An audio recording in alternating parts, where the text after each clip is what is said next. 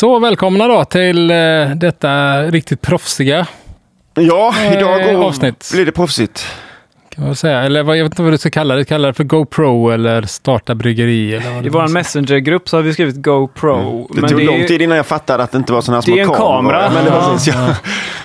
Jag vet Idag är vi inte. sponsrade av GoPro. ja. Vilken champagnekamera vi kan ha på oss när vi brygger.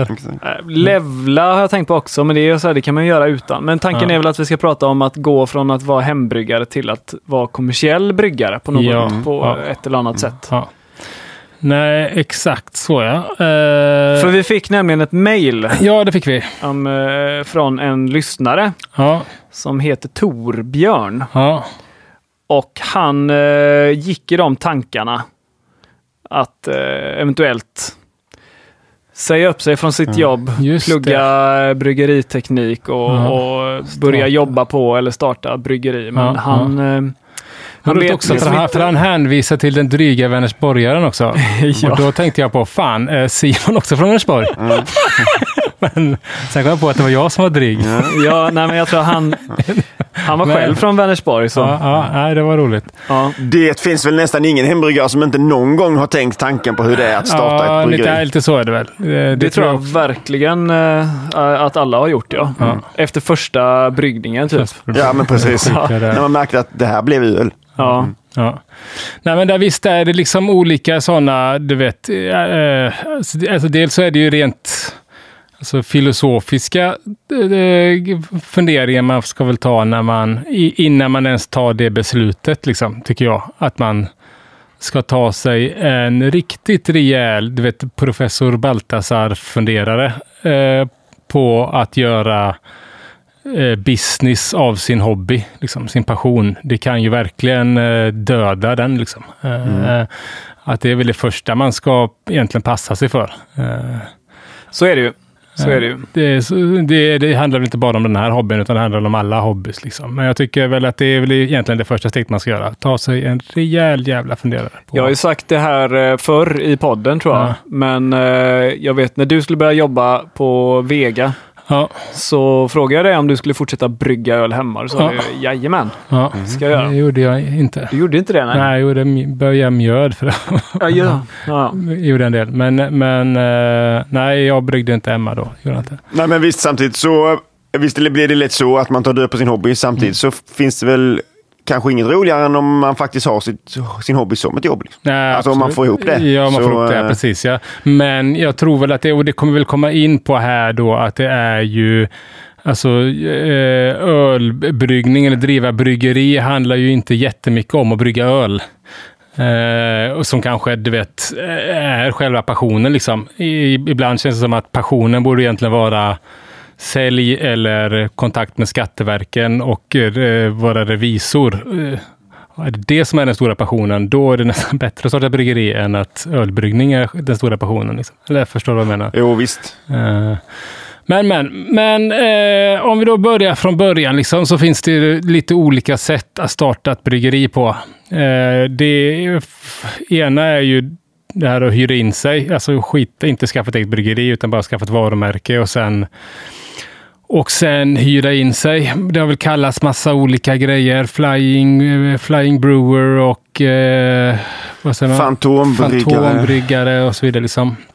Eh, det- Post, postorders. Postordersbryggare är det väl någon som kallar det lite. Och fakers säger Yvan Dubets på De La Seine att de heter. de som fejkar att de har ett bryggeri. Men eh, det är ju ett sätt liksom för att du vet komma eh, på något sätt billigt undan. Eh, eh man kommer ju billigt undan för du behöver ju inte du vet, skaffa grejer till ett bryggeri. Men det kostar ju också. Alltså vinsterna blir, marginalerna blir mindre på sådana produkter eller sånt bryggeri. Men i princip så handlar det bara om att kontakta bryggerier och se ifall det är någon som har eh, eh, alltså har tankar över och tid över till att brygga en öl helt enkelt. Men det finns ju risker där också med att om ens öl säljer för bra att, eh, och bryggeriet eh, samtidigt går bättre så kanske du vet, man inte hamnar högst upp i sin prioriterings i bryggeriets prioriteringslista. Liksom. Att man eh, eh, kanske inte får komma till att brygga när man vill och så vidare. kanske också åt andra hållet om, om ölet blir dåligt. Så Ja. vems fel är det då? Exakt, ja. Ja. Lite den. Det kan bli konflikter och det kan bli lite, lite bråk. Det är dock väldigt många som har gått den vägen liksom. och sen så gått den vägen och sen kanske när man har fått ihop lite kapital och gjort sig ett namn, att man då startar ett, ett eh, eget bryggeri helt enkelt. Mm. Eh, för det är väl den andra stora delen, är ju att skaffa ett helt eget bryggeri då. Eh, och eh, om vi ska börja liksom med det tråkiga där, eh, så är det ju inte bara att öppna ett bryggeri och sen ringa till Systembolaget eller till krogarna och säga att nu jävlar har jag en bärs här på gång. Utan, eh, utan dels kommer man skaffa sig en lokal och eh, den lokalen eh, ska man ju då få godkänd utav olika myndigheter. Då. Till att börja med så ska du få den godkänd utav eh, Skatteverket utav på två sätt. Då. Eh, dels så ska du personen då eh, eh, blir liksom vad man säger upplagshavare enligt lagen om alkoholskatt. Och sen så ska lokalen godkännas för ett skatteupplag. Eh, och det är två olika blanketter som ska fyllas i och godkännas då. Eh, och det, vad det här är egentligen är ju att eh, bli liksom godkänd som upplagshavare. Eh, det handlar ju om att du vet, när ölet är bryggt ungefär, Eh, då eh, ska man ju egentligen betala alkoholskatt. Men i princip så eh, lånar Skatteverket ut pengar. Alltså du behöver inte betala skatten, men däremot så är du skyldig Skatteverket skatten, men den ska betalas när den lämnar liksom skatteupplaget. När, när du säljer till restaurang eller till Systembolaget till exempel. Då ska alkoholskatten betalas och, så, och tills du har gjort det så är man Eh, så, kan man nästan säga system, eh, eller att Skatteverket lånar ut de pengarna. Så därför måste då, för att få det godkänt, så måste man ju ha hyfsat du vet, god ekonomi och inte du vet, varit med i något register och även visa att man kanske inte har du vet, haft problem med alkohol och sånt. Till och med tror jag liksom att, att har man du vet, åkt dit för någon punktprick för en ratt, rattfylla eller något sånt där så, så kan man få nej på, på den frågan helt enkelt. Och om man, inte, om man, om det, om man liksom ligger på gränsen och inte har jättebra ekonomi så kanske man inte heller får godkänt för det. Men man ska också då, när man, om man väl får det godkänt, så ska man även ligga, eh, så ska man betala någon slags de- deposition på typ 10 procent till Skatteverket av all öl du kommer ha för att, eh, som någon slags säkerhet. Helt enkelt. All öl du kommer ha. Nej, la, hålla i lager samtidigt. Okej. Liksom. 10 All skatt alltså. ja, All 10 punktskatt. av den alkoholskatten ska man alltid betala. Men sen så betalar man då det som kallas för punktskatt. Att det räknas ut vad du har sålt så ska det betalas. Eh, eh, jag vet inte hur ofta det är. Vad är det? Vad är det? Vad är det? Var tredje månad eller vart? Ja, jag kommer inte riktigt ihåg. Jag har ju startat ett bryggeri en gång till. Ja, precis. Ja. Ja. Eh, men jag slapp de bitarna som Ja. tur är det. Men då är ju också, eh, för skattebolaget eh, och sen så det här med skatteupplag är också viktigt. Det ska liksom vara en inrutad eh, område, typ på en sån här, vad är det kallas, en sån lägenhetskarta. Planritning. Planlösningar, vad skatteupplaget är, var ölen ska lagerhållas eh, och det, man måste även då visa att ölet är säkert där så att ingen så ingen som du vet, kan ta skada av alkohol kan lätt ta sig dit och sno och dricka upp det. Eh, och också så att inte skatte, du vet, medel, det är ju pengar som, som står där som egentligen Skatteverket ska ha, att de försvinner på det sättet. Det vill säga att lokalen måste då ha larm och, och har man fönster så måste det vara galler på och, och det kan inte vara, du vet, en, någon trähasp eh, på låset och sådana grejer. Utan det ska vara, eh, det ska vara larm, måste vara larmat och det måste vara En säkerhetsdörr. Eh, en säkerhetsdörr och grejer liksom, för att vara säkert. Det, Men ja, det- man, man kan ha det på sin fastighet liksom. eh, ja, det tror jag. Men om du får du, då får du liksom fortfarande då får du investera i allt det här. Liksom. Ja. Eh, plus då eh, den, den andra delen, eller den tredje delen som behövs då är ju att man ska registrera då en livsmedelsanläggning hos kommunen. Ja. Och det är ju en kommunal bit och det är, den, där kan det ju skilja sig lite från kommun till kommun. Eh, men i det stora hela så kan man ju ändå säga att eh, vad, alltså man registrerar den bara som en, och sen så kommer de ju på kontroller. Så de kommer inte liksom, de kommer ju, du kan ju börja innan du får ett godkännande, förstår jag menar. Utan, men sen så kan de, de ju komma och säga, här kan du inte hålla på med i den här lokalen. Det fattar du väl? Och det, kan ju, det var ju, jag vet det kanske var underförstått, men det var ju, ju Skatteverket som har hand om de andra två. Ja, precis. Skatteverket kanske jag inte sa, Jag men det är sant. Ja. Eh, och eh, så man, vad man gör är, innan du startar så, så registrerar du då en livsmedelsanläggning hos, hos din kommun. Eh, och då är det bra att se till då, för det finns ju vissa grejer som de här kommer garanterat kolla på. Och det är ju exempelvis då att ytor är liksom lättstädade och lätt släta och fina, så då går det lätt att städa. En annan klassiker är att de verkligen kollar att kemikalierna är långt ifrån livsmedlet. Att det, finns, det finns ingen risk att man blandar i kemikalier i ölet till exempel. Att de har sin särskilda, eh, särskilda plastplats och så vidare. Och även lite sådär skadedjurskontroll, liksom, att det är skyddat mot skador. Det inte finns några spår av skadedjur i lokalen.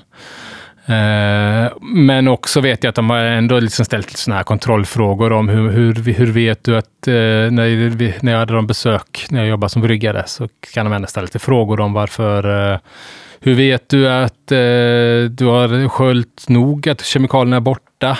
Liksom, sådana grejer kan ju vara bra att kunna svara korrekt på. Hur, vet, hur vet du när du har sköljt nog och sådär, liksom, för att Verkligen. De, eh, jag tror att det har nog väldigt, väldigt mycket beroende på vilken kommun man har. Liksom. För jag tror att vissa kommuner kan jag tänka mig att de också är extremt hjälpsamma. Eh, för att eh, starta nya företag är ju väldigt välkommet i vissa kommuner där man kanske behöver arbetskraft. Även Ett välfungerande företag är en inkomst för kommunen i vissa kommuner.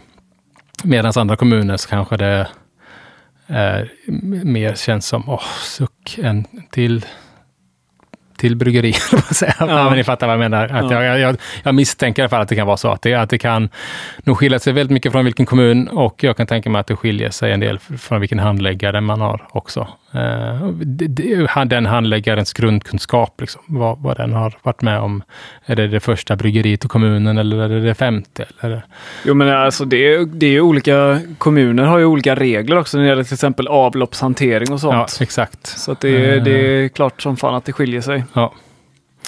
Ja, nej men det är väl liksom de här eh, eh, tråkiga, du vet, introbitarna då liksom till, ja men det här måste du, du Och, det, fixa och starta först, liksom. ett företag. Och sen så starta göra, ett liksom. företag. Ja, precis, Finns det något krav på företagsform? Vet du det?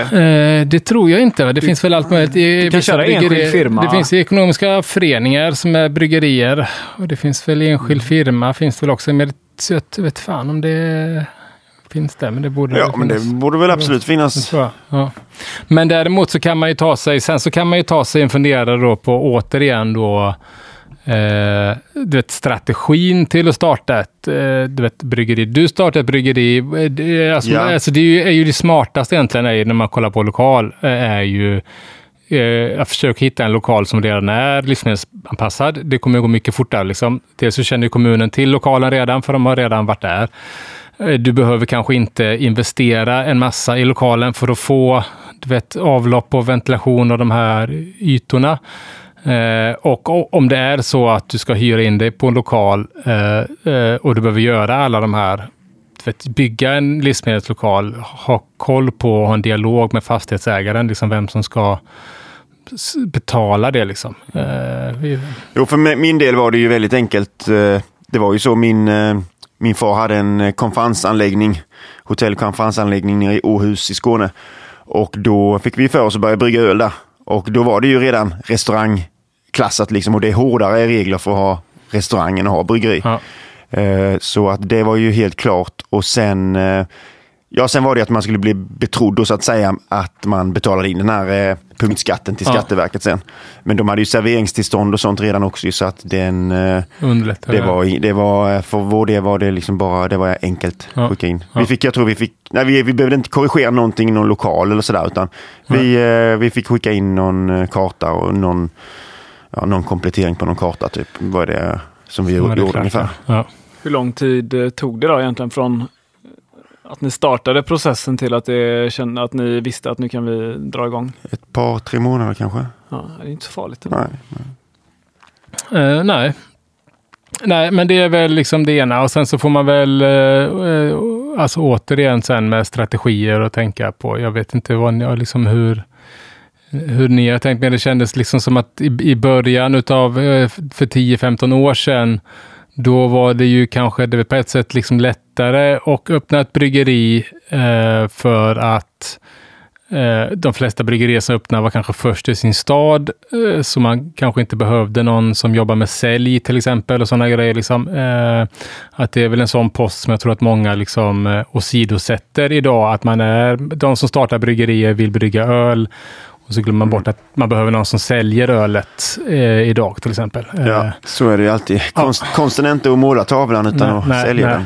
Men sen är det ju en fråga också om man väljer, alltså, man kan ju tänka sig att man Eh, eller den romantiserande bilden i alla fall att man ska starta litet och växa organiskt. Liksom. Mm. Börja med att köpa in ett 100 liters bryggverk kanske och ett par jäs. Ja. Yes, alltså det man har råd med. Och så, ja. Så räknar man lite. Alltså, så kanske jag säljer så mycket de månaderna ja. så kan jag köpa ja. lite större. Vissa är mer så här får in investerare så att man kan börja med 3000 liters bryggverk. Ja, absolut, ja. Och det, och... Under 1000 liter tror jag det Alltså det är svårt att få runt det. Absolut, ja, men det håller jag verkligen med om. Ja. Alltså det, jag tror ju också det att, att ska du starta någonting under 1000 liter, då är det ju liksom hobbyverksamhet. Mm. Det kommer du liksom inte kunna få det är risk att det blir så himla mycket manuellt arbete liksom med, eh, ja. med alla delar ja. och buteljering och allting så att all din tid försvinner så du hinner inte sälja ölet sen. Nej, nej.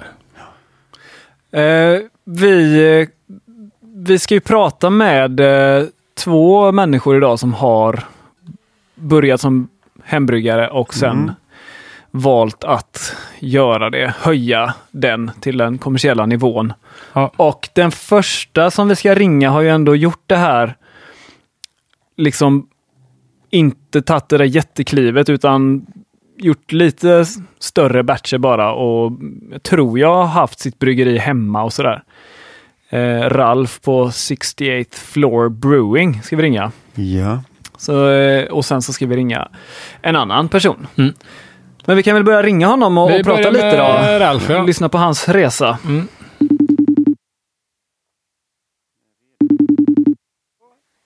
Hallå ja. Hejsan! Är det Ralf? Det är Ralf, ja. Det stämmer gott. Hur är läget idag? Det är fantastiskt bra faktiskt. Solen skiner och eh, sitter i ett par shorts här uppe i Norrland. Så det alla tiders. Just det, det hör man på din dialekt att du är en sån urnorrlänning. Och det, det, är, det är ändå Norrland, Norrland vi pratar, inte typ Gävle. Nej, det är faktiskt norr om Gävle, men det är ja. väl Västernorrland tror jag. Västernorrland, okej. Okay. Jag vet inte riktigt. Jag har flyttat hit för tio månader sedan. Men strax utanför Hudiksvall okay. bor jag numera. Mm. Härligt. Hälsingland. Höga kusten.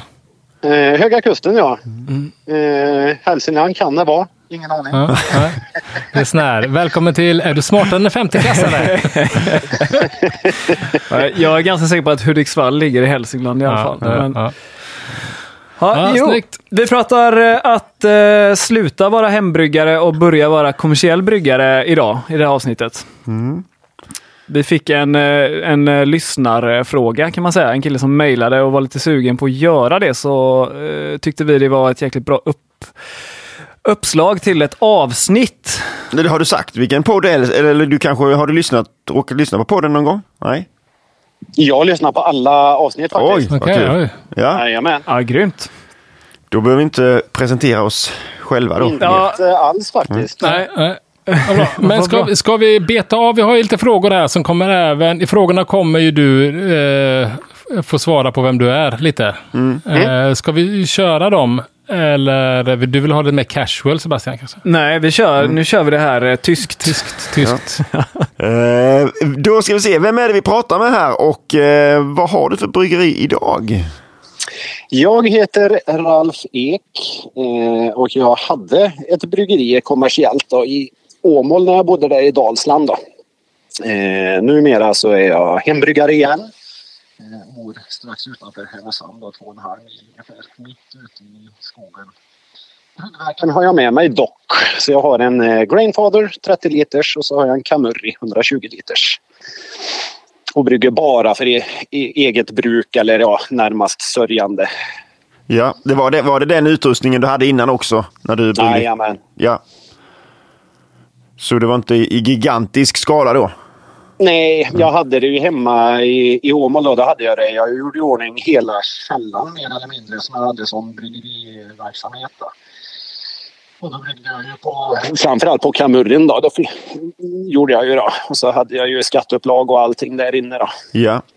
Och det var inga problem med att ha det så hemma i hushållet liksom? Med... Nej, jag hade faktiskt lite tur. För när jag startade mitt bryggeri eller ansökte om tillstånden så gjorde jag det i december 2017. Eh, och då fick man ha den nere i källaren och även ha en dörr in från huset om man säger. Men hade jag startat från och med 1 januari 2018 då hade jag varit tvungen att sätta igen dörren eh, och gått garagevägen om man säger då. Okay. Eh, så var reglerna då i alla fall. Sen vet jag inte om det har ändrats sen dess. Då. Hur, eh, hade du varit hembryggare länge innan du startade eller? Eh, inte jättelänge egentligen. Eh, ett och ett halvt år kanske någonstans. Mm. lite drygt. Men jag hade en fru som jobbade på, inom restaurang. Då. Eh, så hon tog med sig lite grann eh, till jobbet. Då. Och så var det, hade de några sommeliers där som testade ölen och sådär. Och de, det var ju då idén föddes då, för de ville ju köpa in den. Då. Ja. Sen gick det väldigt, väldigt fort allting. Så du hade liksom redan, du hade redan eh, kunden färdig innan du öppnade bryggeriet ungefär? Nej, nej, nej, nej. jag hade inga, inga kunder, all, ingenting så. Nej. Utan det var mest, planen var en öl, en krog. Bara för att, jag vet inte, jag är genuint nyfiken av mig på hur saker och ting fungerar. Eh, dels jag kunde ju egentligen inte brygga öl heller så. Eh, utan jag vet inte. Jag tycker det, det är kul att prova nya grejer. Så tänkte jag få lära mig längs med vägen sådär. Men en öl, en krog var planen. Då. Ja. Så du, du lite grann kastade in med huvudet före kan man säga? Jajamän, och så får man ju lära sig allt eftersom då. Och, men jag är sån där, när jag snöar in på saker då är det, det är ingenting annat existerar. Jag läser och läser och läser och läser och sen framförallt så ända sedan dag ett så har jag experimenterat med splittbatcher och lite sådana grejer. Eh, för då lär jag mig dubbelt så fort tycker jag. Eh, så det går ju att brygga på Grainfadern då så går det ju att brygga 10 liters batcher då. Det gjorde jag några gånger också men det tyckte jag var helt värdelöst. Så då, då bryggde jag ja, 20 liter och så splittade jag på två hinkar och körde två olika gästsorter, två olika torrhumlingar kanske. Eller något. Jag experimenterar alltid med en av hinkarna. Liksom. Ja. Så, så det, det är bra. Ja.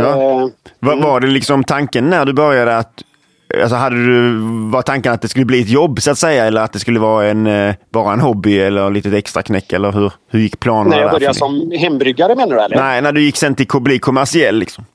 Nej, det var ju mest bara, jag vet inte, en kul historia när jag var gammal. Jag tänkte att det vore fränt att släppa en öl på krogen liksom bara sådär och så, jag vet inte, gå, ner, gå ut på krogen och ta en öl liksom sådär. Det var ju tanken då. Och sen så bodde jag ju i en väldigt liten stad och vart man än gick det så var det samma utbud för alla hade ju krogavtal liksom. Mm. Och det är så fruktansvärt tråkigt men för mig då som var ölintresserad då eh, och gå ut och dricka samma skit vart jag än gick liksom. Mm. Och då blev det att nej, nu har jag bestämt mig. Så, då, så målet var ju att släppa en egen öl på krogen och sen att fler, fler människor skulle få upp ögonen för vad en öl kan vara. Liksom. Det måste inte smaka som ja, en standard industrilager liksom, utan det finns så mycket, mycket mer. Så mer, mer lustdrivet än rent ekonomiskt tänkt då?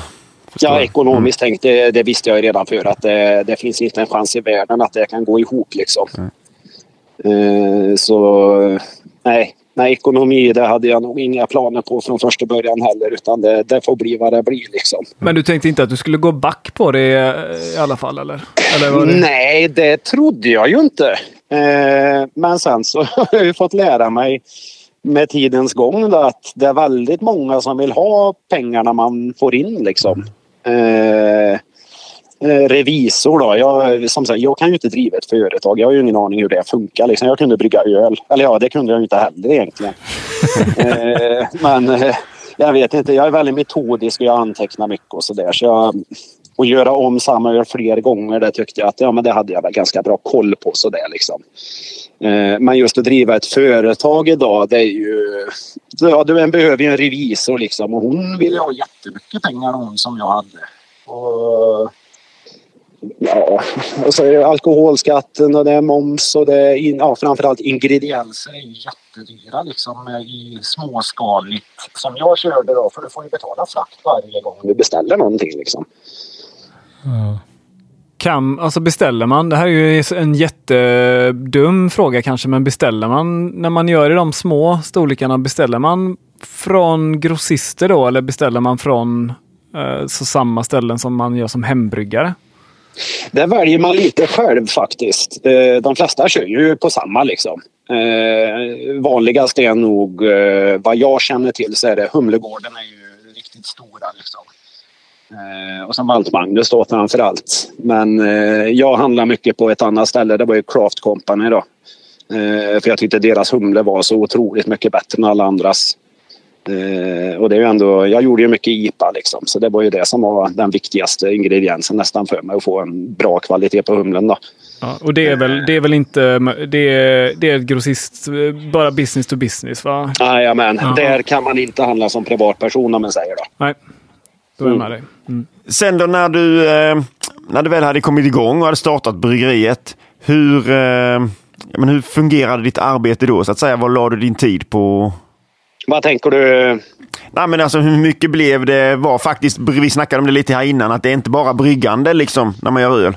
Utan hur mycket, ja, nej, mycket blev bryggning och hur mycket blev sälj och hur mycket blev administrativt arbete och sådär? Eh, administrationen gick ju rätt fort i och med att jag hade planen var ju en öl, en krog. Och då skulle ju det öppna en restaurang hemma då. Eh, Harrys då skulle ju öppna portarna då. Mm. Eh, så jag ringde dem och bjöd hem dem på en ölprovning och då hade jag ju tre öl då så skulle de ju få välja en. Eh, och konstigt nog så får de ju bara ta in tre mikrobryggda öl på Harrys. Varför vet jag inte men det är någon policy de har liksom. Eh, så de kom hem i alla fall och så hade vi en ölprovning och de gillade alla tre ölen. Eh, och så gjorde vi en deal då. Att, ja, jag släpper, jag säljer alla tre sorterna till dem då. Eh, I ett års tid och då har de ensamrätt på ölen och lite sådär då. Okay. Och har jag öl så får de öl. Och har jag inga eller att någon batch blir dålig eller något sånt där som jag inte är nöjd med då måste jag inte liksom brygga igen den eller något sånt där. Utan har jag öl så får de öl. Så det var ganska öppet liksom sådär. Eh, och då funkade det rätt bra faktiskt. Då köpte jag ju en grain for det till. Då körde jag dubbelt då när jag, när jag väl bryggde liksom. Alltså då, du, då hade du inte skaffat din Camurri än då? Nej, eller? nej, nej, nej. Då nej. körde jag bara med en grainfader liksom. Och det blir ju liksom 60 flaskor. Flaskjäste på den tiden till och med. Det var ju skitkorkat. Men otroligt roligt ändå. Mm. Det är ändå rätt så. hardcore att dra igång ett bryggeri. Ja, men lite så. Ja. men eh, jag vet inte. Det är jag ett nötskal liksom. Ska man mm. så ska man. Sen jag vet inte. Jag läste ju allt liksom. Jag lyssnade ju på ja, jag vet inte, poddar. Jag var med på såna här amerikanska seminarium och grejer. Och jag bodde ju på nätet och jag läste allt. Jag köpte böcker. Liksom. Jag blir helt knäpp liksom när det väl... Eh, så jag vet inte. Men det är väl generellt så. Har man ett specialintresse så får det väl ta den tid det tar liksom.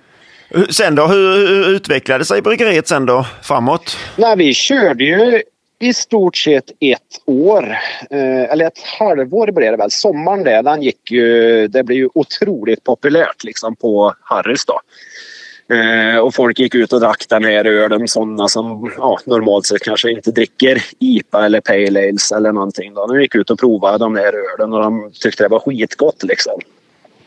Sommar 2018 var ju otrolig uteserveringssommar också. Jajamän. Var det inte den... Eh, Fotbolls-EM tror jag det var då, eller VM, EM. VM va? VM kanske. Sverige var i kvartsfinal och förlorade mot Jajamän. England samma dag som jag gifte mig. Ja, du ser. Ja. Dubbel olycka eller på att säga. Nej. mm. Nej, så det, den sommaren var ju... Det sålde ju något så fruktansvärt med öl så jag hann ju inte få fram allting liksom hela tiden heller. Då. Eh, men sen så kom ju vintern där då. Eller hösten och så där när ja, det är inte lika mycket folk ute och så där. Eh, och då blev det, då hade jag ju så mycket ja, mycket öl i och med att jag bryggde ju två gånger i veckan liksom, på två Camurris. Då. Så det blir ju 240 öl i veckan då, som jag körde. Eh, och då tog jag snabbt på Harrys och då såg vi upp det där med ensamrätten. Då. Så då sålde jag till krog nummer två. Då. Eh, och så då var jag uppe i samma volymer igen eh, som jag var under sommaren. Då. Det funkade bra tyckte jag. Men eh, sen blev det en tredje krog. Eh, och då återinvesterar ju vinsten för, från det året om man säger då. Då köpte jag ju Kamurin sen. Ja. Eh, så istället för att brygga dubbelt då, för det är ju, det är ju lite kaos då när man kör. Eh, så är det lättare att brygga på ett bryggverk tyckte jag då. Eh, så då, sen efter det har jag kört med Kamurin mycket då. Och då får jag ut fyra 19 liters fat då. Eh, och då gick jag över till fat också istället för att köra med flaskjäsning då. För det är ju ohållbart i längden liksom. Det är ju bara krångel. Eh, så då körde jag med Kamurin i ja, ett par år höll jag på att säga. Men sen så hände det ju lite mer grejer hemma. Översvämningar och... Ja, du har haft rätt mycket oflyt eh, har Ja, man ju läst. Jajamän, jo det har varit väldigt många turer. Men eh, så har jag alltid velat ha fyra veckors semester också. Då, att nu stänger jag igen. Då, så då, våren för mig då har ju varit otroligt mycket bryggning liksom. Eh, men sen så kom det ett skyfall där söndagen innan min semester började. Då, då kom det ju nästan fem, vad sa de då? 55 millimeter på en timme tror jag. Eh, och då hela eh, källan blev ju översvämmad. Då. Det var ju det jag hade bryggeriet liksom. Ja. Så det, det mesta malt och sånt det var ju bara att slänga det och humle och sånt där fick jag ju slänga också mycket då. Eh, och ja. Klar, klarar sig utrustningen eller liksom var det Ja, fuktskadat? också? bryggverken, nej, bryggverken de släpar ju upp då liksom. För, eh, Ja. Jag vet inte, min första tanke var att ta det dyraste liksom. Ja. Och det var ju, kamurerna väger ju inte så mycket, det är inte jättestort liksom. Så Nej. det fick vi upp då. Och så några säckar med malt fick jag upp. Men sen så steg ju vattnet så fort i källan så jag vågar ju inte springa omkring där nere för mycket heller liksom. Ah, fy fan. Så, så det var ju, ja. Vad ledde det till då? La du ner bryggeriet då efter det eller? Ja, det var ju första tanken då att nu, nu skiter jag i det liksom sådär. Eh, att det inte är värt det liksom. För det, redan då hade jag ju insett vad mycket pengar det kostar att ha ett bryggeri då med Ja men alla såna här, vad är det, skattemyndigheten ringde och skulle, jag skulle skicka in massa jävla uppgifter om någon lagbok och massa grejer som jag inte fattar någonting av. Eh, och då ringde jag till Skatteverket och frågade att vad, vad, vad är det här liksom? Nej, men då skulle de göra en kontroll då för att jag är ganska ny i branschen och hantera alkohol. Eh, Okej, och då så frågade jag vad, vad ska jag göra liksom? Nej, då frågade han om jag hade en revisor. Ja, men det har jag ju, sa jag. Ja, men prata med henne så fixar hon det. Och så ringde jag henne och pratade med henne och skickade alla uppgifter och sådär. Och det, ja, men det är inga problem. Eh, nej, men vad bra. Och det, sen kom det en faktura på det där. Då. Det gick ju på 8000. Eh, bara det liksom. Och det är liksom, ja. Tjänar man 10 kronor per flaska liksom och nu ska jag ut med 8000 kronor då, så det är 800 öl då, som jag måste brygga för att betala min revisor de pengarna liksom. Eh, så det är många sådana där små smällar liksom hela tiden tycker jag. Såna här, ja, det, det är inga pengar kanske för ett stort bryggeri men för mig då, som är så småskalig och som har det mer som en hobby då, så är det liksom det, ja, det blir som en liten kniv i ryggen varje gång det kommer en sån faktura. Liksom. Ja, och det är samtidigt ingenting som man, du vet, som, som du tänkte på kan jag tänka på när man väl startade bryggeriet. Eh, Ja, nej, gud, det var nej. liksom inte med i eh, sådana Nej, do, nej, dolda, liksom, dolda, dolda chockutgifter. Liksom. Eh, Nej, jag kalkylerade med elen gjorde jag. Ja. Eh, och, och sen eh, renoveringen av lokalen om man säger då. Men eh, nu är jag ju golvläggare till yrket då så jag, kunde, jag gjorde ju allting själv. Eh, men sen så visste jag ju revisorn då, ja, men det gjorde en gråkalkyl då, men det är en 10 000 om året ungefär och så räknade jag det att ja men då måste jag sälja så och så mycket liksom sådär. Eh, men eh, nej, jag vet inte. Det var värre än vad jag hade förväntat mig från början i alla fall. Det kom liksom hela tiden var det någon som ville ha pengar liksom. Att ja, men nu är det tusen kronor här och livsmedels... Eller vet du, kommunen då, miljö... Kontrollavgift ja. Ja precis, det är tusen kronor och så skulle de komma hem igen och då tar de nästan tusen kronor i timmen. Eh, och då blev jag liksom, då blev jag ju förbannad på dem bara. Och hon tjejen som var hemma hos mig, jag vet inte om jag skrämde henne tror jag. Eh, men jag förklarar liksom vad tusen kronor för mig innebär liksom. Eh, ja, och då är det olika riskgrupper eller riskklasser som du ingår i och sådär då. Så hon, eh, då gjorde de så att jag fick kontroll varannat år eller någonting då. Eh, eller något sånt där då, för att jag körde på fat, slutet system och lite såna här grejer då. Men, men ändå liksom, det blir hela tiden så är det någon som ska ha pengar liksom.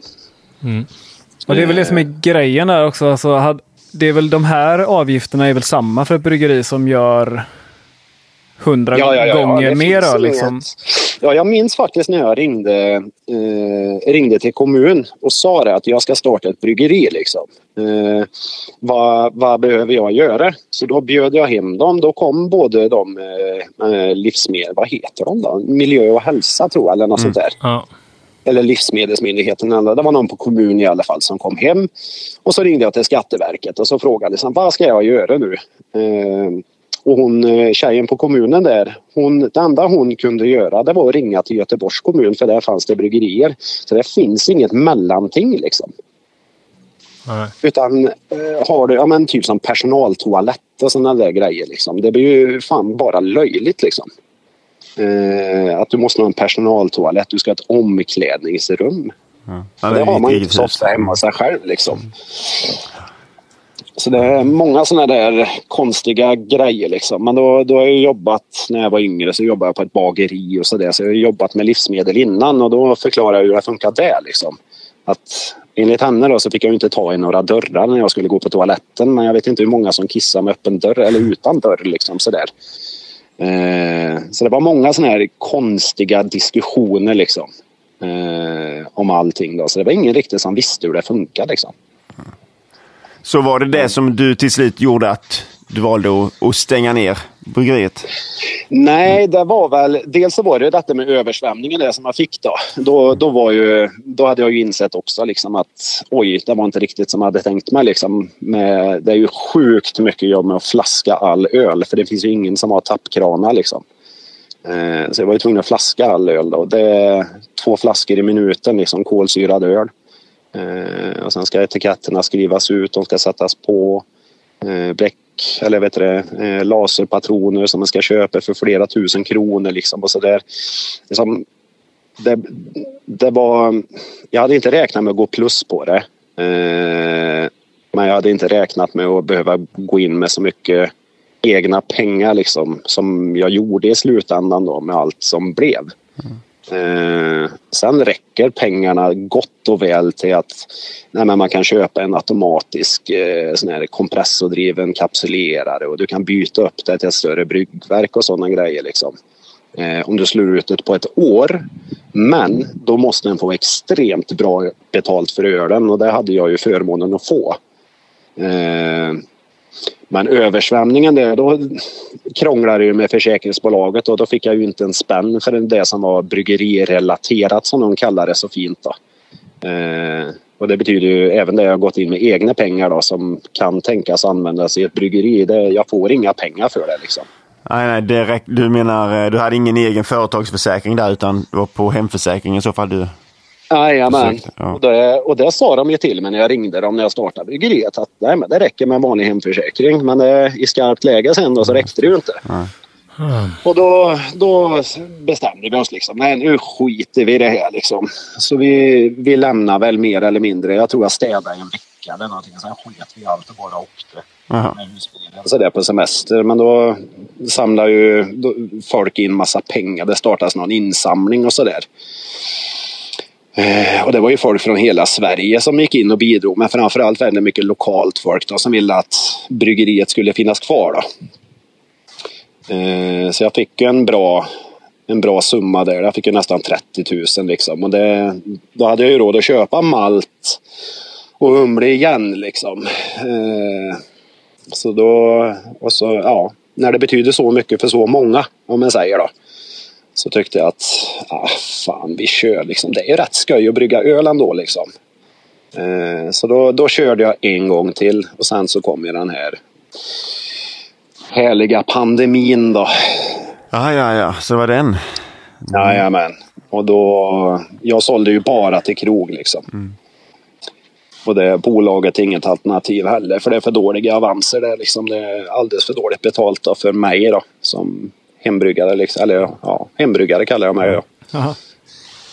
Så, nej, så det, det har varit tufft liksom sådär. Eh, men eh, jag vet inte. Ändå har jag hållit mig flytande och sådär. Och krogarna har ju stöttat mig. Jag vet inte, jag fick ju så jävla... Jag tror jag har varit Sveriges bäst betalda bryggare faktiskt. Eh, jag fick så otroligt bra betalt och det var deras initiativ. De ringde mig faktiskt och sa att du får komma ner, vi, vi måste prata med dig. Liksom. Och då, då höjde de till och med ölen för mig. Då. Eh, Och då hade jag bra innan men då ville de ge mig 10 spänn extra per flaska liksom, plus moms. Och det är ju helt, det finns ju inte liksom. Ja, det låter ju rätt Ja, tacksamt. det är Ja, sjukt ja, men det. nej, men det var jättebra. Men då, då hade ju den här, vet du eh, Untapped, den här ölappen som finns då. Då hade jag ju kommit upp där och blivit omskriven att, att jag låg topp 10 i Sverige och sådär. Och då kom ju mycket folk från hela Sverige liksom sådär bara för att testa öl och sådär liksom. Och de bor ju på hotellet och som sagt, det var ju de som sålde ölen och sådär också. Så då... Det ger ringa på vattnet liksom. Ja, då blir det en lite annan affärsmodell för dem där kan man säga. Jajamän, jajamän. Så, Men sen eh, pandemin kom då och då eh, valde du stänga ner och flytta till och med. ja, jag, idén föddes väl där. Jag gick ju strax efter detta då när jag tror pandemin där. Jag gick ju in i väggen då. Det blir ju för mycket jobb liksom. Två heltidsjobb hade jag ju mer eller mindre i ett par års tid där. Så då kraschade jag ju totalt och då kom pandemin. Så det passade ju mig rätt bra att det var en pandemi. Eh, men då föddes väl idén liksom. Men eh, sen blir det som det blir då, när man har fått massa pengar och folk har samlat in och så där så vill man ju inte... Det är svårt att lägga ner liksom. Eh, men då föddes väl idén liksom att enda sättet att göra det här på ett bra sätt är ju fan att dra liksom. Vi får flytta någonstans och börja om då. Eh, så jag vet inte. Så det gick väl på ett halvår ungefär från när vi bestämde oss att nej, nu, nu drar vi. vi. Vi säljer allt vi har och bara drar liksom. Och då blev det så. Så, då, så numera har jag lagt ner bryggeriet då. Så bryggde jag upp de sista, jag tror jag hade en hel pall med flaskor som jag bryggde upp innan då. Och då var det mycket såna här one-offs till olika krogar och sådär. Så fick de egen etikett och lite såna här grejer då. Så, så numera är jag bara hembryggare istället. Ja, men du brinner fortfarande för att brygga öl. Ja, jag älskar ju det. Det är ju det roligaste jag vet faktiskt, måste jag ju säga. Eh, Men eh, ja, men som sagt, flaska öl. Det är inte din favorithobby. Nej, det brinner jag inte för överhuvudtaget. Ja, men, men, lite, men lite här har du ändå liksom förlorat din hobby och ändå fått tillbaka den på något sätt igen. Ja, men det har jag ju. Samtidigt så... Jag vet inte, folk frågar mig ganska mycket om det där. Och om jag hade fått chansen att göra om det, hade du gjort det liksom? Och det, ja, det hade jag. För jag har lärt mig så sjukt mycket liksom. I och med att jag har fått brygga så otroligt många batcher liksom. I och med att jag har så små bryggverk om man säger så. Då. Eh, så jag vet inte. Det har varit en intensiv utbildning och sen har jag lärt mig känna så mycket folk och sådär också. Så det, nej, jag tycker helt klart det har varit värt varenda sekund liksom.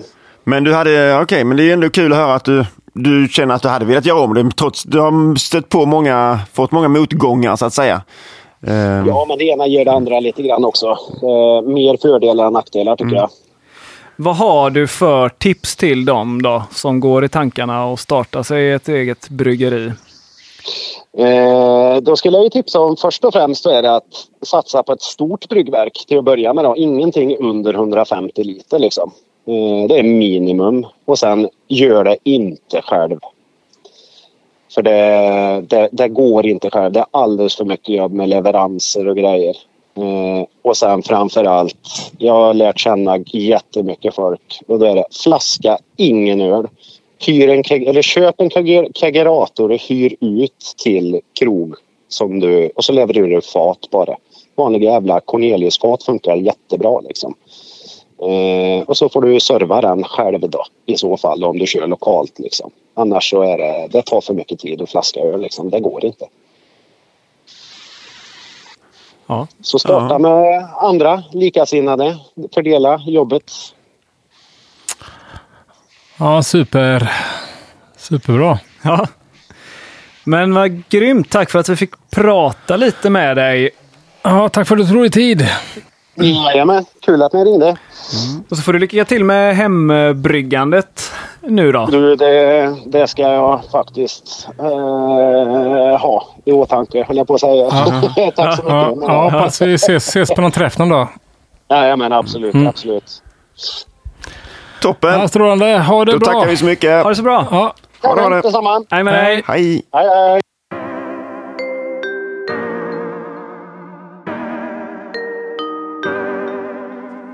Ja, det var Ralf det. Det var Ja, Ralf. det, ja. Stött på lite motgångar men, Ja.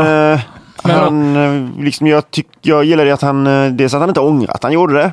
För att eh, han drog upp mycket av det negativa där liksom. Ja, och, Eh. och att han inte, verkar inte ha förlorat sin passion. Nej men för, precis. för- precis. Så att, Men, men också ett bra exempel för någon som har startat det i den skalan som jag tror att många tänker att man ska göra det på. Alltså du vet 200-400 liters i någon källare i garage någonstans. Eh, Så det hade varit spännande att prata med någon som eh, har ett stort bryggeri ja men av en händelse har vi väl en sån. på tråden. Någonstans. Vi har väl det. Vi ska väl ringa till Jessica Heidrich. Ja, En riktig hembryggarlegendar får man väl kalla kanske henne. nästan Sveriges mesta hembryggare. Bästa, mesta. Ja, jag vet inte hur många gånger hon har vunnit Mm. SM-guld. Men det är några stycken. Hon körde väl, eh, hon tog väl någon sweet, alltså vann hon inte några år i Tre rad? år i rad med Peter Högström tror jag. Eh, Två med... Ja, vi kan fråga henne. Vi frågar henne, ska vi ringa? Ska vi ringa? Ja. ja.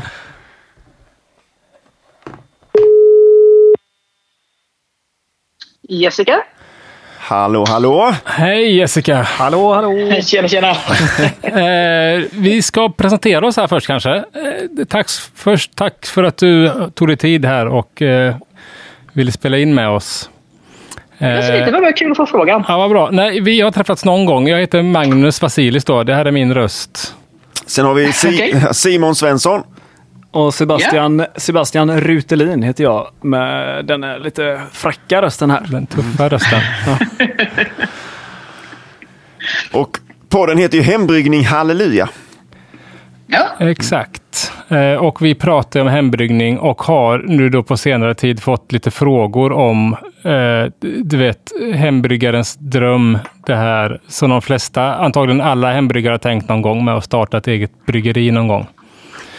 Eh, du, du, tänkte säkert det själv och gjorde det. Eh, jag tänkte tanken, men, men eh, därför så kändes det väldigt roligt att prata med folk som har gjort det. Då har vi pratat med Ralf då som du vet, gjorde det jättelitet i sin källare, startade ett kommersiellt bryggeri och bara sålde till pubbar i Åmål. Bryggde 60 liters batcher. Ja. till, och handflaska dem till krogar. Eh, och då tänkte vi att det hade varit roligt att prata med någon som eh, har gjort samma resa fast eh, driver ett större bryggeri helt enkelt. ja. Så du kan väl ta och presentera dig. Vem är det vi pratar med och vad har du för bryggeri idag?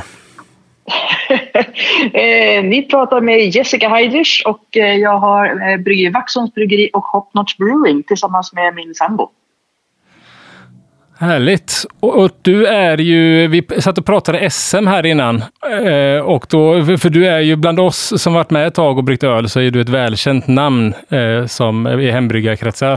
Eh, får man ju ändå säga. Det är kul. Jag, det- jag har som sagt varit eh, med ett tag från oj, oj, många år. Jag har suttit i styrelsen och varit med och bildat eh, domarkommittén och jobbat mycket med sådana frågor och med tidningen och allting. Okej, ja. Hur många gånger är det du har vunnit SM-guld? SM? Eh, eh, totala fyra gånger. Fyra gånger. Det Ja, är, det är bra. ja, det är riktigt bra. Här har vi eh, totalt noll. Totalt noll har vi. Ja. Ja. Men eh, vi får ligga i helt enkelt. Ja. Vi får ligga i. Eh, ja, jag vet inte om du såg de här frågorna som vi gick igenom, men vi kan väl, eh, vi går igenom dem lite eh, hipp som happ, så kanske det blir lite mer diskussion om någon fråga. Men där Yes. förklarar du lite vad det var. Och din hembryggarkarriär då, den är ju ganska lång. Det är nästan ett avsnitt i sig. Att prata om din hembryggarkarriär. Men, men nu ska vi se här. Hur... eh, Men, ja, precis. Ta det lite kort. Hur, hur startade det med hembryggning för din del? Det startade egentligen ja, mitten av 80-talet. Eh, så jag pluggade mikrobiologi och biokemi i Uppsala. Och jag hade väl eh, redan innan där börjat pyssla lite grann med hembryggning. Vi var några kompisar som eh, ja, började brygga helt enkelt. Varför kommer jag faktiskt inte riktigt ihåg. Men vi, vi, vi är alltid väldigt intresserade av kemi och eh, mikrobiologi. Eh, så att det är ganska naturligt att börja hålla på med lite grann med jäst och fermentera saker. Och sen så, ja, eh, de andra i korridoren hade ju, jag bodde i studentkorridor i Uppsala och de andra hade ju sin damejeanne med det söta vita vinet och det sura röda eller om det var tvärtom. Och så tog man ju häverten eh, direkt från damejeannen i glaset på fredagen eller ja, när man skulle ut förfesta. Och när det var dags för, för mig att eh, eh, göra någonting så gick jag ner till Sandsbutiken och hittade då eh, ölsats istället. Och det var ju samma sak som vinet. Det var ju som en burk med sirap och skulle man inte tillsätta 1, eller 4,5 kilo socker, för det var ju förbjudet. Just Stod det. mycket noga Ja, på ja. burkarna. Men Och så om du gör det så blir det starköls då. Ja, och det, får, det, det var ju olagligt. Ja, Eller så att okej. det, det är ju för att man till, tillsätter för mycket socker helt enkelt. Så det ska vara minst, ja, minst 50 procent av fjäsbara sockerarterna måste ju komma från mältat, mältade cellslag. Okej. Ah, Så därför fick man inte tillsätta med så, så mycket socker. nej. Och eh, ja, polare tyckte att det var så här, wow, vansinnigt bra det här. Så att, eh, ja, man kan ju för smicker. Ja, så att, eh, fortsatte och sen så eh, gjorde vi två satsbryggningar tror jag. Och sen så gick, man, så gick jag över till helmaltsbryggningar. Ja. Hur fick du tag på grejer då? Liksom? Då hade Humlegården kommit igång då? Eller hade Svante öppnat? Humlegården hade, hade kommit igång då. Okej. Eh, men det var Essensbutiken i Nyköping som hade lite grann. Men eh, det blev väldigt snabbt att, eh, begränsat så att då blev det Humlegården. Ja. Ja, roligt. Och sen så blev du ändå så pass biten eh, av eh, processen eller eh, he- hembryggning så att eh, du engagerade dig i Svenska Hembryggarföreningen på olika, olika nivåer då helt enkelt. Ja, det gick på en tävling. Var, eh, första SM jag gick på var på Prips i Bromma. Okej. Eh, och började som, eh, ja, testa lite grejer och insåg att men, man kanske inte var så dålig i alla fall. Det är som att eh, när andra vågar ställa ut med det här så vågar jag kanske också. Ja. Eh, och sen, ja, på den vägen är det. Det är också det att, att få skapa själv. Att, eh, och det är samma sak med att laga mat. Att eh, göra det som man är sugen på, det man vill ha att dricka. Och på den tiden så fanns det inte så mycket öl på Systembolaget att välja från heller. Så att det var ju ja, man var väldigt inspirerad av Belgien och England och eh, för att kunna dricka de öltyperna så fick man ju göra det själv helt enkelt. Ja, nej men det köper väl lite så jag också blev biten i. Fastän då var det, är jag ju liksom tio år efter. 20, 20 nästan. Ja. Ja, ja, men vad häftigt. Hur lång tid tog det sen då innan du eh, bestämde att du skulle börja kommersiellt med ölbryggning? Ja, det jag höll på att säga som, det- som det mesta saker, på att säga, så det, det, det, ja, lite flax och timing och lite det halka på bananskal, höll jag på att säga. Det var egentligen, jag har ju eh, hållit på med läkemedelsforskning eh, hela tiden. För det där med att eh, starta ett bryggeri när jag var ja, på 90, 2000-talet. Det fanns ju liksom inte bryggerier på det sättet som det gör idag. Och eh, marknaden och saker att, eh, men, eh, utrustning och allting sånt där. Så att eh, hade väl egentligen, ja, man, lite hade man tänkt att det skulle vara kul men samtidigt, liksom, det går ju inte. Det var ju Krönline, Sobro, Spendrups och så vidare, Pripps som var bryggerierna på den tiden egentligen. Eh, Äh, så jag var ju väldigt nöjd med forskningen, eh, läkemedelsforskningen. Och eh, sen efter, eh, när jag väl tog steget då, det var ju att egentligen så jag skickade ut spontanansökningar både till andra eh, företag i biotechbranschen men även till dryckesbranschen. Och eh, då fick jag svar från eh, Galatea och eh, som undrade om jag hade, skulle kunna tänka mig att återuppliva det gamla varumärket Sankt Eriks. Och Galatea är en importör, va? eller vad säger man? Eh, distributör ja. och... och in, importör och distributör. Ja.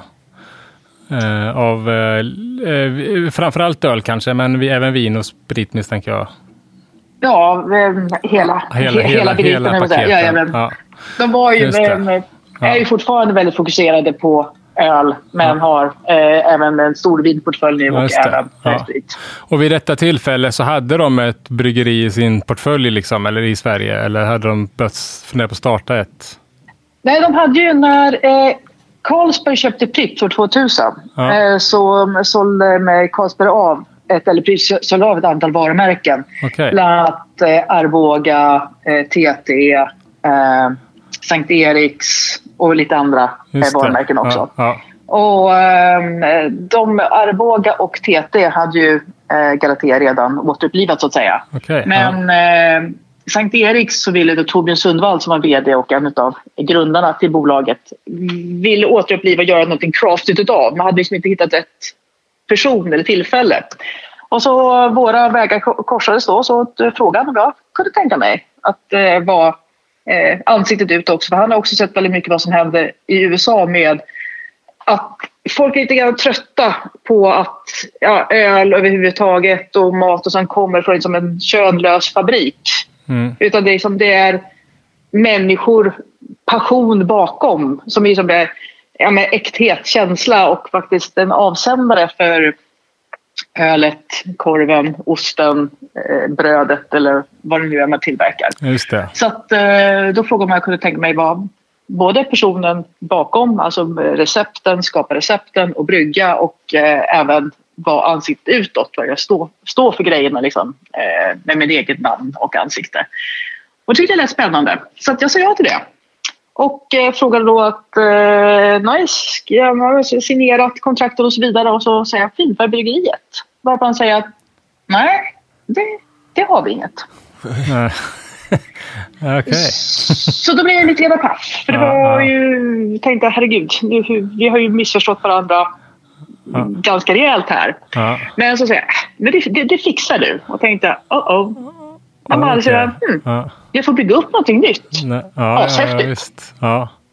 Så jag började snacka, fråga liksom att, eh, finansiering. Och då tittar jag lite konstigt på mig och så, så här, okej, okay, nästa fråga. Eh, okej, okay, årsvolymer. Eh, och så, ja, sa han någonting och så tänkte jag herregud. Eh, och sen så frågade jag okay, tidsplan och sa ja men inom eh, en månad eh, så behöver jag första batchen. och tänkte herregud vad fan har jag gett på?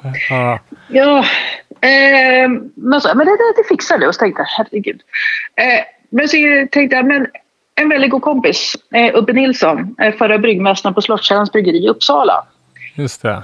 Bra bryggeri, de kan sina grejer, bra grabbar, men haft taskigt cashflow. Så att, eh, jag ringde upp och sa hej, jag har en idé. Att, eh, att då kontraktsbrygga.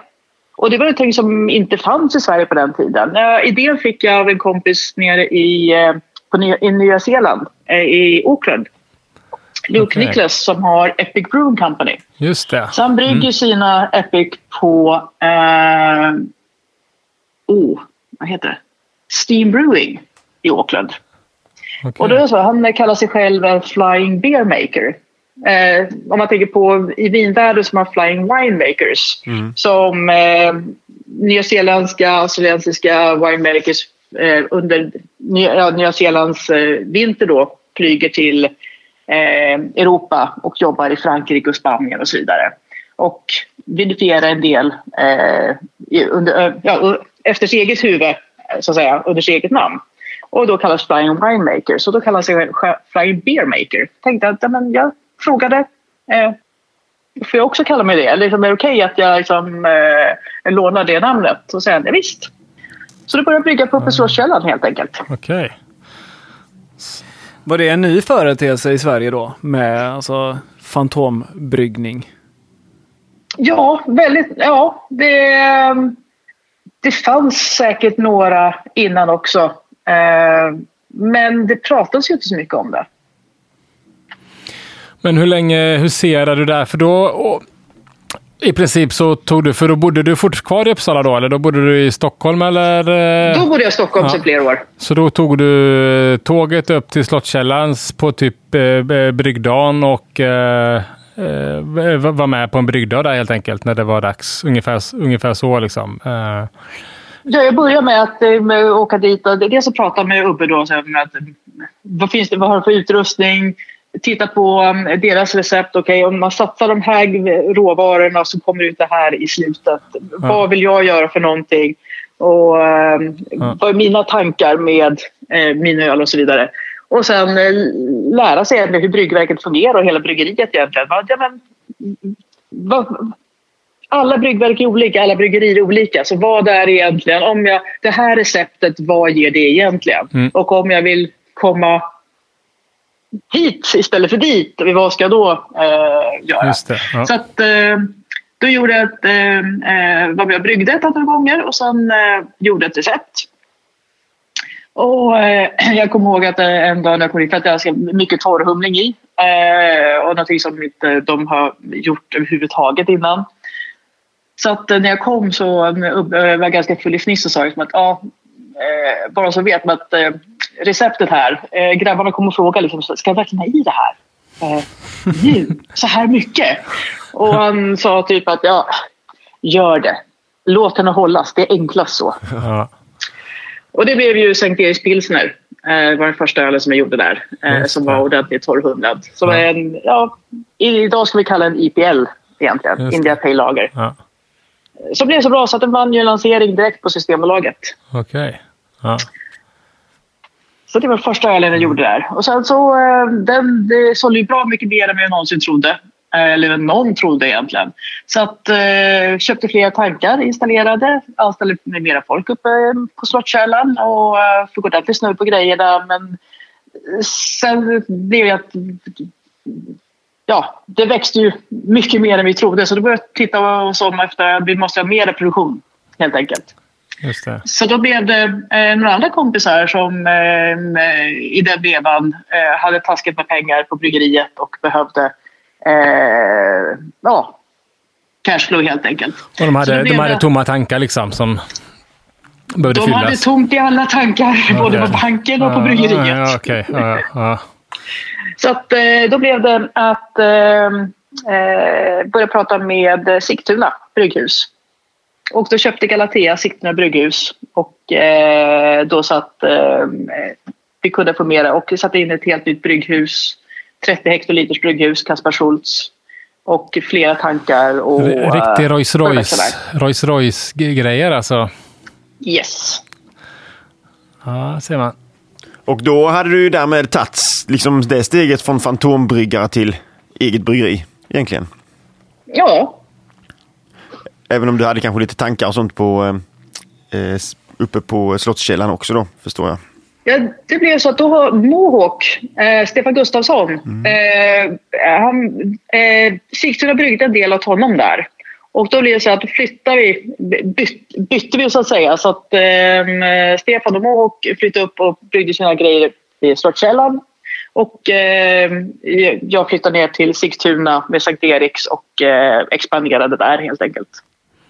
Ja, vad gött. Men då hade du också ändå lite utav, eh, i det, den vevan, lite en, eh, liksom drömsigt också. Alltså få med och starta ett bryggeri men slippa mycket av det här administrativt tråkiga kanske? Eller var det så? Eller fick du göra Oh, det ja. jobbet också?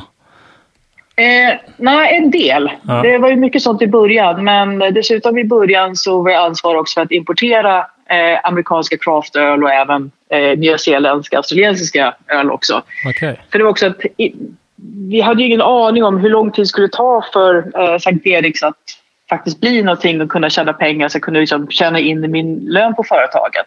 Så då var jag ansvarig som för amerikanska craftimport och sånt också.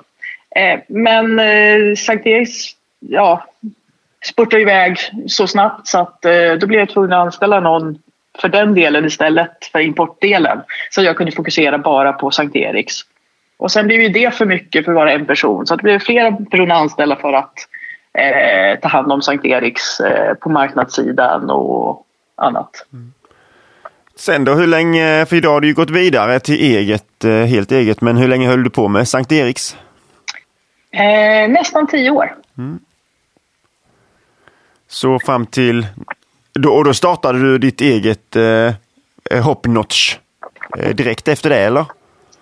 Ja, eh, sa ju upp med oss. Eh, eh så att, har ju under några år funderat på att eh, men, starta eget.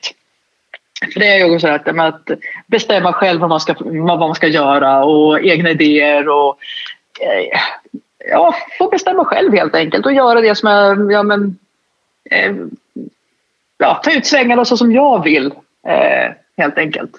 Eh, så att eh, då har min sambo uppmanat mig under flera år att starta eget, starta eget, gör en affärsplan, gör en affärsplan. Men jag har aldrig haft tid, eller tid, jag har inte haft ork ska vi säga. Till slut säger han en dag att eh, nu har jag bestämt mig, nu ska vi säga upp oss. Så att eh, då sa jag upp oss båda två. Han insåg också, alltså som jag hade insett, att jag måste sluta jobba för att orka planera. Just det. Så då, ja, så då slutade vi jobba och eh, satte oss eh, och började planera vad vi ska göra för någonting. Ska det vara bryggeripub? Ska det vara kontraktsbryggning? Ska det vara ett produktionsbryggeri? Vad innebär de olika grejerna i investeringar? Och kan vi göra det själv? Behöver vi investerare? Hur hittar vi investerare? Hur funkar crowdfunding och sådana saker? För och nackdelar med olika saker. Och Ja, så att eh, vi började planera och insåg ganska snabbt att nej, det ska vara ett produktionsbryggeri. Eh, för, att, eh, för att kunna få eh, lönsamhet i det, för vi båda två måste kunna leva på det, så krävs det eh, minst 15-20 hektoliters bryggverk för att kunna faktiskt få ekonomi i det. Ja. Och sen eh, därefter också det som eh, jag alltid brukar ge rådet till alla eh, som eh, vill starta eget. Det är att gör en ordentlig, titta ordentligt på hur mycket kostar ditt liv idag? Hyra, bilen, försäkringar, eh, lite guldkant måste man alltid ha, mat och alla sådana saker. Hur mycket kostar det per månad egentligen? Och sen räkna baklänges därifrån. Hur mycket måste du sälja? Ergo hur mycket måste du brygga? Ergo hur stort ska bryggverket vara? Och sen tittar man på hur stor lokalen ska vara efter det. Så börja i den änden. För annars, det är så lätt att man hittar en jättefin liten lokal där man kan precis eh, knö in brygg, bryggverket med skohorn. Men inser ganska snabbt att eh, det var lite grann för litet och eh, oj hoppsan, man måste ha lager för insatsvaror och för eh, färdiga varor också. Eh, om man inte ska hyra lager någon annanstans. Och det blir transportkostnader och alla sådana saker. Så att det är, börja räkna baklänges. Det var väl ett väldigt bra tips. Ja. Ja, Ralf eh, som vi pratade med innan, där, han hade ju, det var ju väldigt många kostnader som han inte kände till liksom. Som eh, Avgifter till miljö och hälsa och olika ekonomiska avgifter till revisor. Och...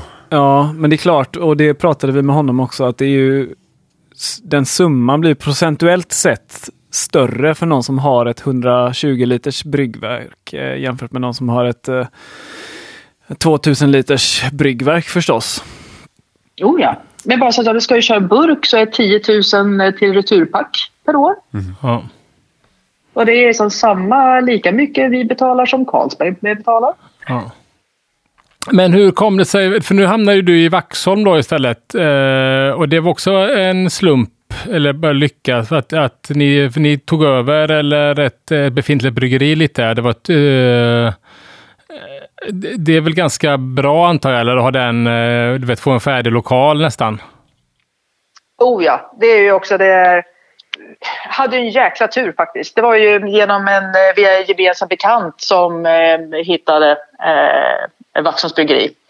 Och det är också otroligt skönt. Det, det är trots allt fortfarande inte jättelätt att vara tjej i den här branschen. Eh, Och dessutom då eh, var ansvarig för bygget av bryggeri med allt vad som gäller hantverkare och alla sådana saker. Jag kände det var liksom att ja, det, det, är ju- det är bara liksom bita ihop och göra det. Men sen när vi hittade det här stället och det var ju när jag sa upp mig från Sankt Eriks det blev känt att eh, jag skulle starta ett eget bryggeri. Mm. Eh, då fick jag ganska mycket erbjudanden om att eh, dels att bygga upp, bygga upp nya bryggerier tillsammans med andra eh, investerare som ville göra saker med, med oss och även eh, köpa befintliga bryggerier. just det. Men eh, det var det här faktiskt var det stället som tyckte var eh, det finns expansionsmöjligheter. Det är ett bra bryggverk. Det är kinesiskt, men som brukar säga, det är function Chinese. Mm. Det är helt manuellt, eh, vilket gör också det är färre saker som kan gå sönder, vilket är väldigt, väldigt skönt när man är liten. För så fort en eh, pump låter illa så får man väldigt ont i plånboken och ångest. Ja. Men det känner jag igen från mina, mina år också som bryggare. Att det är skönt, eh, du vet små... eh, Nej, men att man, att man, eh, man kan byta ut, har du fler pumpar så kan du byta en pump. Är det inbyggt och grejer, då blir känns det mycket jobbigare om något lägger av. Liksom. Ja, mag- magnetventiler och sådana saker som det är hjälp. Ja. ja. ja. Nej, absolut. Jag först- förstår det också. Men där är ni idag då, du och eh, din sambo Magnus heter han väl, min Ja. namne. Eh, och det är ni två, det är ni, ni två som, eh, som kämpar på i Vaxholm eller är det... Det är vi två som kämpar på. Ja, Vi, vi har också någonting också som är väldigt, väldigt bra. Det är att vi har, vi har ju våra olika roller så att säga. Eh, Mm. Oftast när man startar ett bryggeri så antingen är man själv Eh, då ska man göra allting från bokföring till inventeringar, distribution, brygga, alla sådana saker. Systembolag, alla skattekonton och sådana saker. Eller så är man typ ja, med fyra grabbar som gillar att brygga. Eh, men det är oftast ingen som är jätteintresserad av eh, bokföring, ta kontakt med myndigheter, läsa på lagar och alla sådana saker. Så att där har ju Magnus det ansvaret att han kör ju alla de här sexiga grejerna som gör att jag kan fokusera på bryggningen och produktionen. Ja, okej. Ja, ja, grymt. det är fantastiskt. Ja, det är jag är så otroligt glad också. Att, dessutom eftersom vi då är sambos så är det ingen annan som kan tycka att Åh, varför är du alltid på bryggeriet hela tiden? Måste du som jobba över ikväll också. Ingen som väntar hemma med middagen och tycker Mm. att eh, du ja, men måste du vara borta på en mässa den här helgen också. Just det. Och det är inte det att någon som tycker att ja, men, nej, nu måste du börja tjäna pengar så du får ta ett riktigt jobb istället.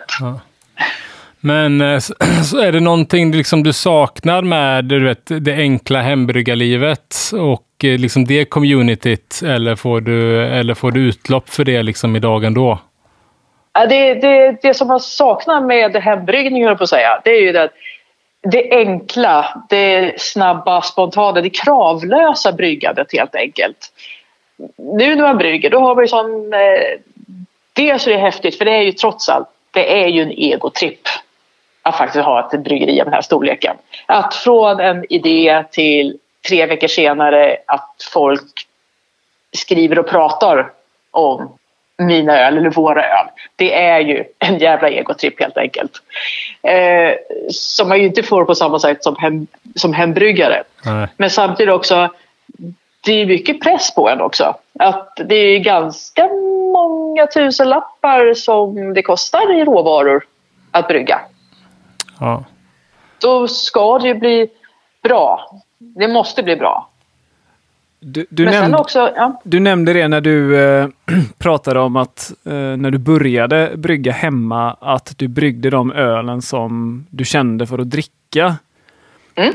Hur är det nu med att ha ett kommersiellt bryggeri? Kan du fortfarande brygga den ölen du vill dricka eller ligger det mer liksom, strategi bakom ölen som du brygger? strategin är brygger de grejerna jag vill dricka. Det är så? Okej. Det är, jajamän. Det, är, det går inte annars. Det, man kan, kanske man kan, jag kan inte i alla fall. Men att om man inte brygger det som man gillar, då lägger man inte ner hjärtat och själen i det. Och det, det skulle inte funka att jobba så mycket som vi gör och inte gilla det vi bygger. Eh, och det är fortfarande så att det jag blir löjligt glad och stolt nästan varje gång som eh, vi tar en öl. Eh, och säger fan det här, det är vi som har gjort den här. Det är jävligt bra. ja, grymt. Ja, men då får du ju utlopp mycket för det här. Ja, men då får du ju ändå utlopp för ja, men liksom he- hem, det man, hembryggningen, att man kommer på en idé och, som man vill förverkliga. Då har du ändå möjligheten till det. Liksom. Oh ja, och det, det, det enda problemet höll jag på att säga, det är det att med, eh, med humle och sådana saker att eh, man måste ju titta framåt. Men vi kör ju humle på kontrakt. Eh, och då måste man titta ett antal år framåt också. Vad, vilka humlesorter är det som är up and coming? Vad vill jag brygga för någonting? Eh, vad har jag för mycket utav? Eh, vad behöver jag komplettera med?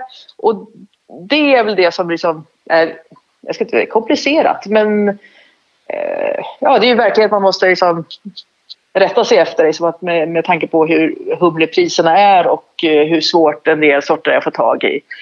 Eh, så det är väl det som är som hembryggare så är det, som, är det ju väldigt mycket enklare. Det är sällan som man inte får tag i den humle man vill ha.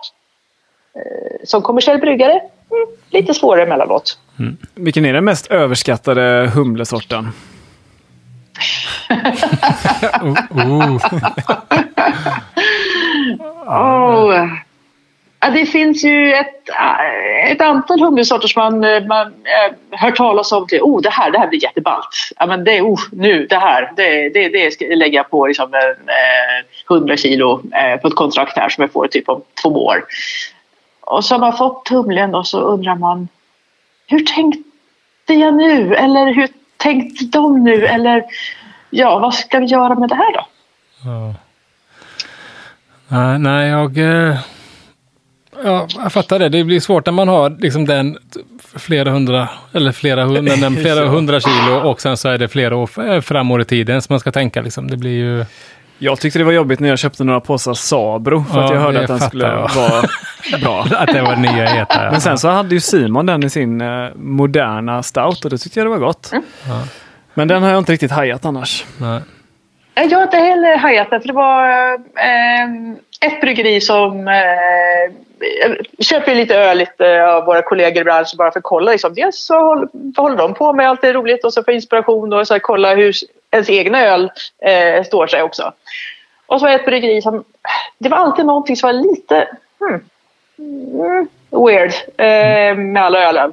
Och så liksom, eh, mässade jag till eh, bryggaren och frågade att ja, eh, vad, vad är det för humle i den här då?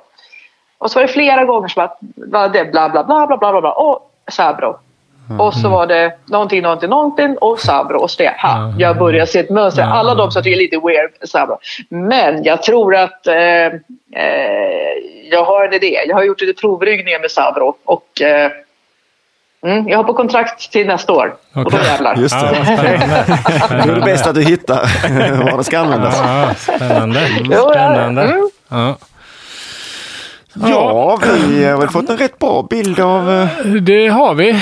Det var en jättebra komplettering till eh, 68 floor. Eh, och få prata med dig. Eh, var det verkligen. Kommer vi träffa dig på eh, SM i hembryggning i Solna nästa gång? När det blir, om det blir. Det hoppas jag. Ja. Det hoppas jag. Ja. Ja. det, det är alldeles för sällan som jag går på SM och sånt nu. Det, det har alltid varit det absolut roligaste. Det har också varit, eh, alltid varit SM-bussen. Just det, SM-bussen ja. Ni har en sån från Stockholm ja.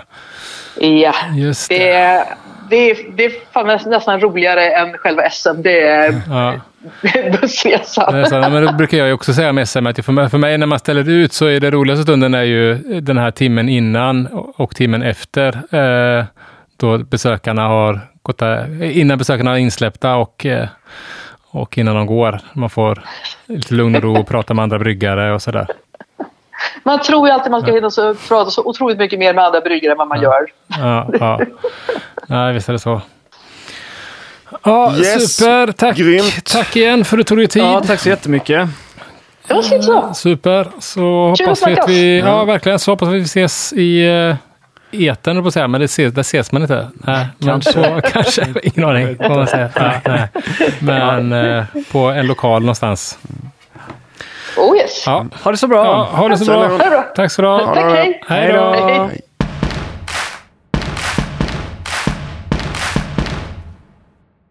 Så, Eh, så ja. det Ja, var men- ju, eh, nej, men som du sa Magnus, väldigt bra komplement där.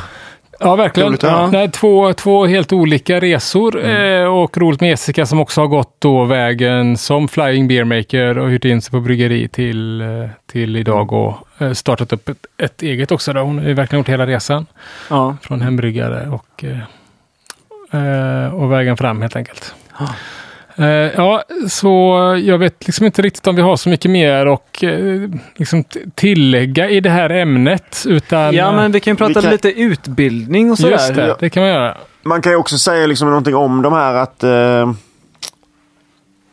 men alltså, man målar upp ganska mycket eh, man kanske målar upp ganska mycket problem och sådär.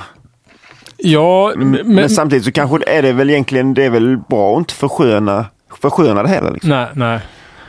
Nej, men det, det är väl så jag liksom har sagt. Det är ju inte så glamoröst och arbeta som bryggare som många tror. Utan det, jag vet inte om jag har sagt det här, men jag brukar ju säga att, nej, men att man Alltså det är en härlig och kollegial bransch att vara i. Liksom. Eh, men, men det är inte så mycket som skiljer. Och jobba på ett bryggeri som att jobba på eh, när jag jobbade som livsmedelsarbetare på Toppfrys i Brålanda och paketera ärtor och wokmix. Liksom. Det är inte så jävla stor skillnad eh, egentligen på de arbetsmomenten. Det vill säga att det är mycket städ och eh, göra samma saker. Liksom. Men jag kan ju säga att det var eh, mycket här, härligare stämning på jobbet på ett bryggeri än på Mm. Toppfrys i Brålanda. En fredagkväll, eller fredag eftermiddag står ni inte och käkar frysta ärtor i Borlänge. Nej, men fan vad gott det var. Men ibland, kommer jag ihåg, man satt på bandet efter uh, fritösen, gjorde pom- pommes frites ibland och Jaha. plockade på sig de som var förbrända. Då är det high life. Då är det high life, ja.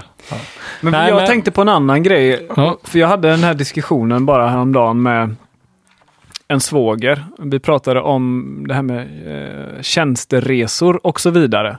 Han hade tidigare ett väldigt ett, eh, roligt jobb där han fick åka runt och jobbade, sponsrade löpare gjorde han, så han åkte runt på löpartävlingar runt om i världen. Och det tyckte han, som tre första resorna var ju Mm.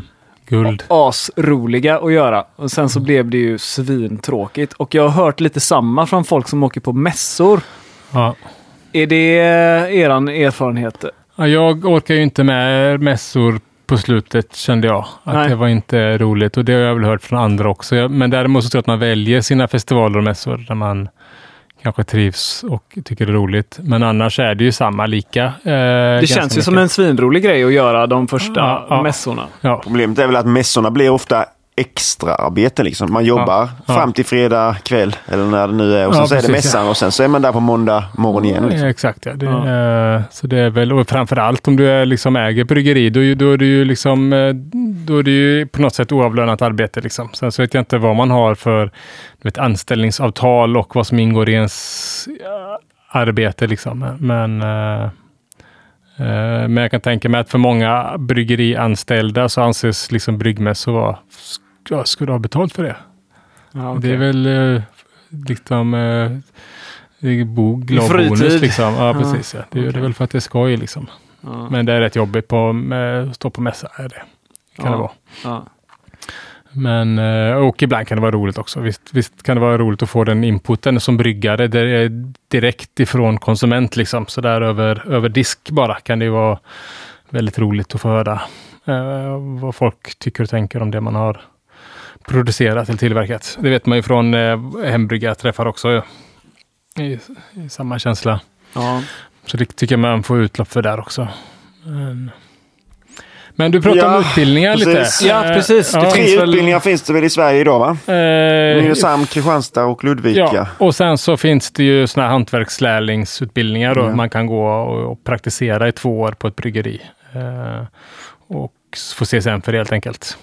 Medan de här... Men då har man ingen teori eller så? eller? Eh, nej, jo det ska man göra. Det är väl upp till hand, hennes handledare liksom och komma med, med teori. Liksom. Eh, så det finns möjlighet till sånt också. Det beror på eh, vilka handledare man har. Helt enkelt. Känns ju som ett ganska bra sätt att få, eh, väl- då får man ju direkt inblick i branschen liksom. Om man skulle. Eh, ja, precis. Det, kan, det får man ju liksom och det blir ju, är ju jävligt tufft liksom. Eller det är ju två år eh, jobba på bryggeri liksom så du, du, man är ju eh, man har ju ändå två års arbetserfarenhet när man är färdig liksom. Och, och det är ju målet med den hantverkslärlingsutbildningen är ju att man ska kunna starta eller ta anställning på ett bryggeri direkt. Liksom. Eh, och det kan man väl på de här andra tre utbildningarna. Det finns ju en då i Ludvika som väl var den första och sen så finns det en i eh, Nynäs och en i Kristianstad. Som alla är sådana här YH-utbildningar då, eller KY, eller vad säger man nu för tiden? YH va? Yrkeshögskola.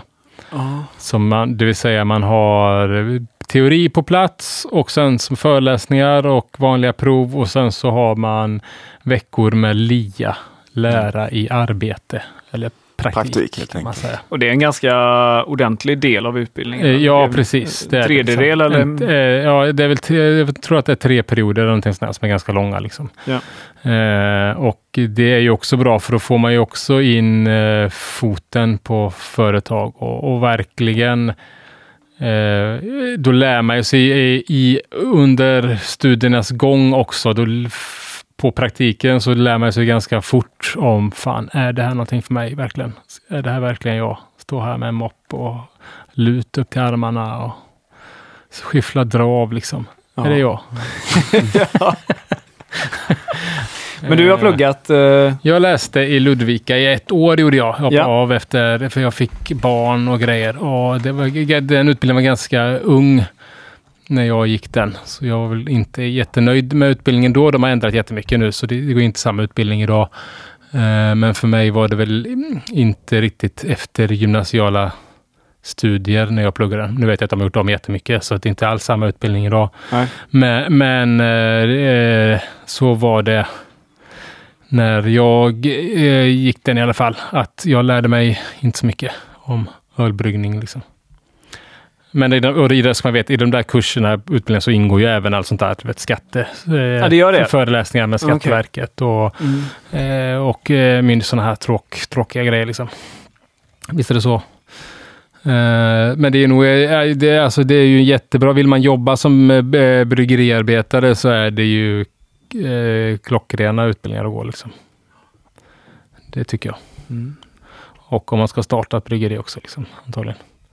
Men där är det viktiga, där har vi liksom, det är roligt att vi har haft två olika. Ralf sa starta aldrig med mindre än 150 liter. Och sen så Jessica Heidi som säger starta aldrig med mindre än 150 eller 15 Ja, 1500 hekto, hek, hekto, hektoliter. Och, Just det, en tiodubblare. ja, precis. Ja. Men där har vi två olika liksom, syften med produktionen också.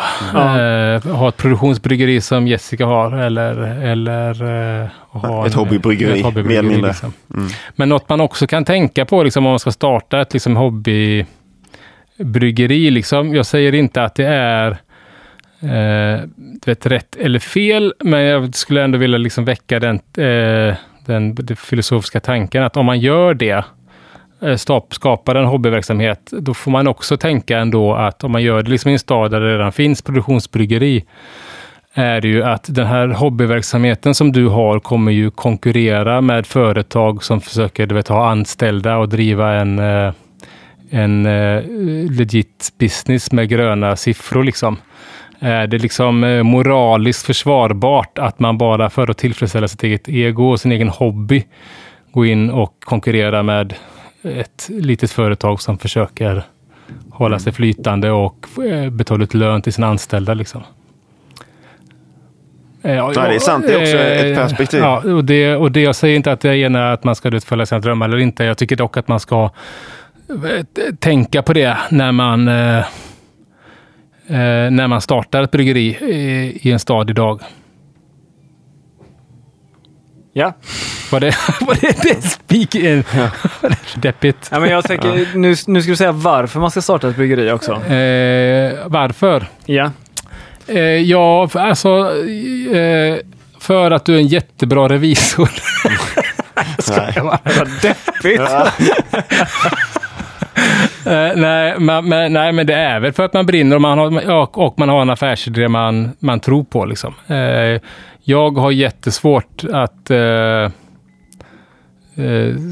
nej, men, alltså, handen på hjärtat så kan jag inte säga till någon att du ska eh, vara positivt att någon startar bryggeri. Alltså, jag, kan, jag är ledsen, jag kan inte vara det. Om det inte är så att man har en affärsidé som skiljer sig extremt mycket från de andra som redan har bryggerier i stan eller att man har hittat en marknad eller en, du vet, radioskugga där det inte kanske inte finns ett mikrobryggeri helt enkelt. Annars så kan jag, har jag svårt att se att man eh, men för, mig, men för mig handlar det om det, jag har ingen lust och jag, alltså jag, du vet, återigen det här liksom. Jag, för mig så skulle det ju alltså kväva passionen. Liksom. Mm.